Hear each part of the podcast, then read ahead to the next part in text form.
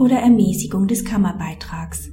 Sieht die Beitragsordnung einer Rechtsanwaltskammer die Möglichkeit eines Erlasses einer Ermäßigung oder einer Stundung im Hinblick auf die individuelle Einkommenssituation des Anwalts vor, darf diese Ausnahmevorschrift auch an die gesamten Lebensumstände des Anwalts anknüpfen.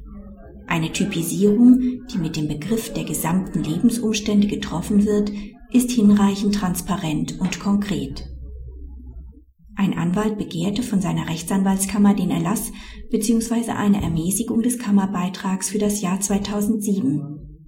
Nachdem die Kammer den Antrag zurückgewiesen hatte, erhob er Antrag auf gerichtliche Entscheidung mit dem Ziel, ihm den Kammerbeitrag zu erlassen, hilfsweise zu ermäßigen.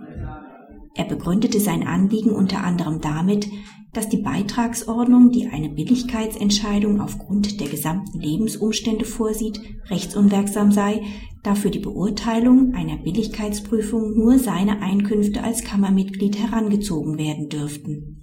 Der hessische Anwaltsgerichtshof erachtete den Antrag für unbegründet.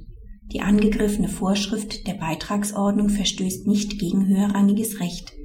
Die Rechtsanwaltskammer hat ihre Beitragsordnung unter Berücksichtigung der von der Rechtsprechung aufgestellten Grundsätze des Äquivalenzprinzips, des Gleichheitsprinzips sowie des Verhältnismäßigkeitsprinzips ausgestaltet. Eine Beitragsordnung, nach der alle Kammermitglieder in gleicher Höhe heranzuziehen sind, ohne dass auf die Einkommenssituation des einzelnen Anwalts abgestellt wird, ist nicht zu beanstanden. Soweit eine Ausnahmeregelung auf die individuelle Einkommenssituation des beitragspflichtigen Anwalts abstellt, ist dies ebenfalls zulässig. Die Typisierung, die mit dem Begriff der gesamten Lebensumstände getroffen wurde, ist ausreichend transparent und konkret, weil sie dem Anwalt die Möglichkeit eröffnet, seine individuelle Einkommenssituation darzulegen.